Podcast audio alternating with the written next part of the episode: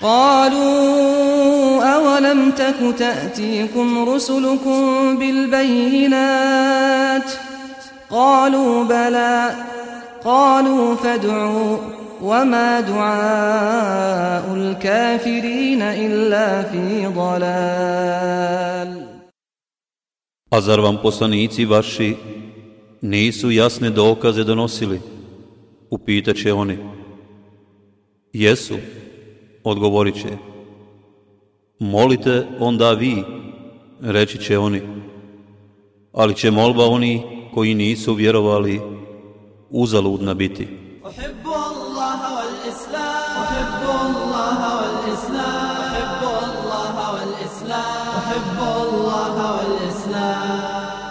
Kazivanje o Allahovim vjerovjesnicima.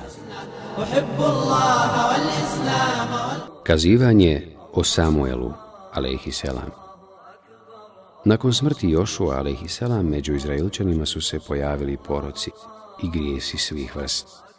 To je išlo tako daleko da su čak i neke vjerovjesnike ubijali. Zato im je Allah uzvišeni umjesto poslanika slao vladare, tiranine, koji su prema njima bili nepravedni i krvim prolijevali. U jednom od ratova Amaličani su ih pobijedili.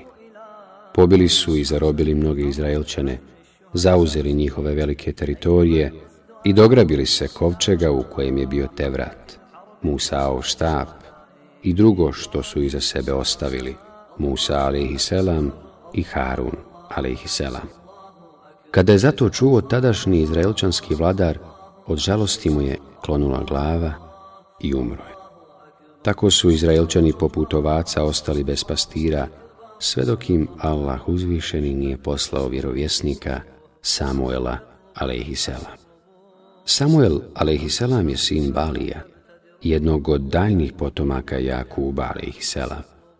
Ibn Đarir kaže, od smrti Jošua ibn Nuna do vremena kada je Allah uzvišeni poslao Samuela ibn Balija, bilo je 460 godina.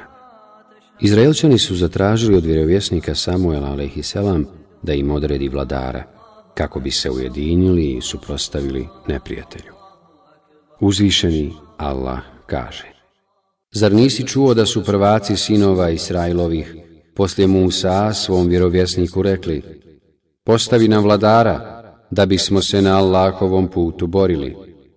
Možda se vi nećete boriti ako vam borba bude propisana, reče on. Zašto da se ne borimo na Allahovom putu, rekoše. Mi koji smo iz zemlje naše prognani i od sinova naših odvojeni, a kad im borba bi propisana, oni osim malo njih zatajiše. A Allah dobro zna one koji su sami prema sebi nepravedni. Allah vam je odredio ta luta za vladara, reče im vjerovjesnik njihov. Odakle da nam još on bude vladar, kad smo mi preči od njega da vladamo? Njemu ni veliko bogatstvo nije dato, rekoše oni. Allah je njega da vam vlada izabrao, reče on. I velikim znanjem i snagom tjelesnom ga obdario, a Allah daje vlast kome on hoće. Allah je neizmjerno dobar i on sve zna znak njegove vlasti, reče im vjerovjesnik njihov. Biće kovčeg koji će vam stići i koji će meleki nositi, u kome će biti smirenje za vas od gospodara vašeg i ostatak od onoga što su Musa i Harun ostavili. To vam je zaista dokaz, ako ste vjernici. Ibn Abbas, radi Allahu anhu, kaže Meleki su došli noseći kovčeg između nebesa i zemlje i stavili ga pred Taluta. To su ljudi gledali, te su se pokorili Talutu. Allah uzvišeni nas je obavijestio o događaju Izraelčanskog kralja Taluta, Izraelčanske vojske i Džaluta i njegove vojske. Navodi se da je Izraelčanska vojska brojala više od 80.000 vojnika. Uzvišeni Allah kaže I kad Talut vojsku izvede, reče Allah će vas staviti na iskušenje kraj jedne rijeke. Onaj ko se napije iz nje nije moj, a onaj ko se ne napije jedino ako šakom zahvati moje. I oni se, osim malo njih, napiše iz nje. I kad je pređoše, on i oni koji su s njim vjerovali povikaše. Mi danas ne možemo izaći na kraj s Čalutom i vojskom njegovom. Ali oni koji su čvrsto vjerovali da će pred Allaha izaći, rekoše koliko su puta malobrojne skupine Allahovom voljom nadjačale mnogobrojne skupine, a Allah je na strani izdržljivih. I kad nastupiše prema džalutu i vojsci njegovoj, oni zamoliše. Gospodaru naš, nadahni nas izdržljivošću i učvrsti korake naše i pomozi nas protiv naroda koji ne vjeruje. Buharija navodi da je Elbera ibn Azib radi Allahu anhu rekao Mi, ashabi Muhameda sallallahu alihi wasallam smo govorili da je broj ashaba na bedru bio isti koliki je broj talutovih vojnika koji su s njim prešli rijeku. A taj broj je bio nešto preko 310 vjernika.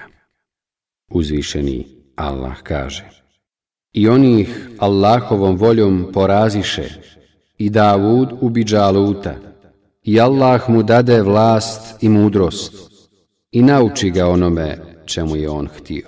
Tječak iz Dalutove vojske po imenu Davud ubio je Đaluta što je oslabilo neprijateljsku vojsku i ulilo joj strah u kosti.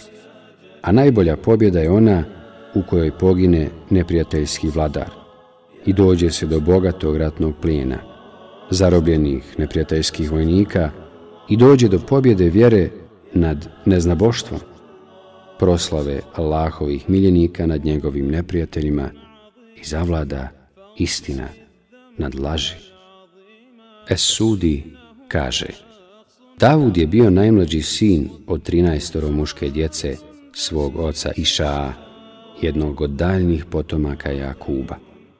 On je čuo kako Talut, izraelčanski vladar, bodri Izraelčane na borbu protiv Džaluta i njegove vojske, obećavajući da će onoga ko ubije Džaluta oženiti svojom čerkom i dati mu visoko mjesto. Davud je bio vješt u gađanju pračkom. Dok je marširao sa Izraelčanima, jedan kamen ga je dozvao i rekao Uzmi me, sa mnom ćeš ubiti Džaluta. Uzeo ga je. To isto rekla su mu još dva kamena, te ih je uzeo sva tri i stavio u svoj tor. Kada su se vojske suočile, Džalut je iskoračio naprijed i pozvao na dvoboj. Davud je izašao pred njega, pa mu je Džalut rekao. Vrati se, jer ne želim da te ubijem, ali mu je Davud odgovorio. Ali ja želim da ubijem tebe. Davud je zatim uzeo na tri kamena, stavio ih u pračku i zavrtio, pa ih kad su postali kao jedan, bacio na džaluta. Sta tri kamena raspolovio mu je glavu, a njegova vojska se poražena od straha razbježala. Talut je nakon toga ispunio svoje obećanje, oženio Davuda svojom kćerkom i postavio ga na visoko mjesto na vlasti. Tako se Davud proslavio kod Izraelčana, koji su ga počeli voljeti i cijeniti više nego samog Taluta.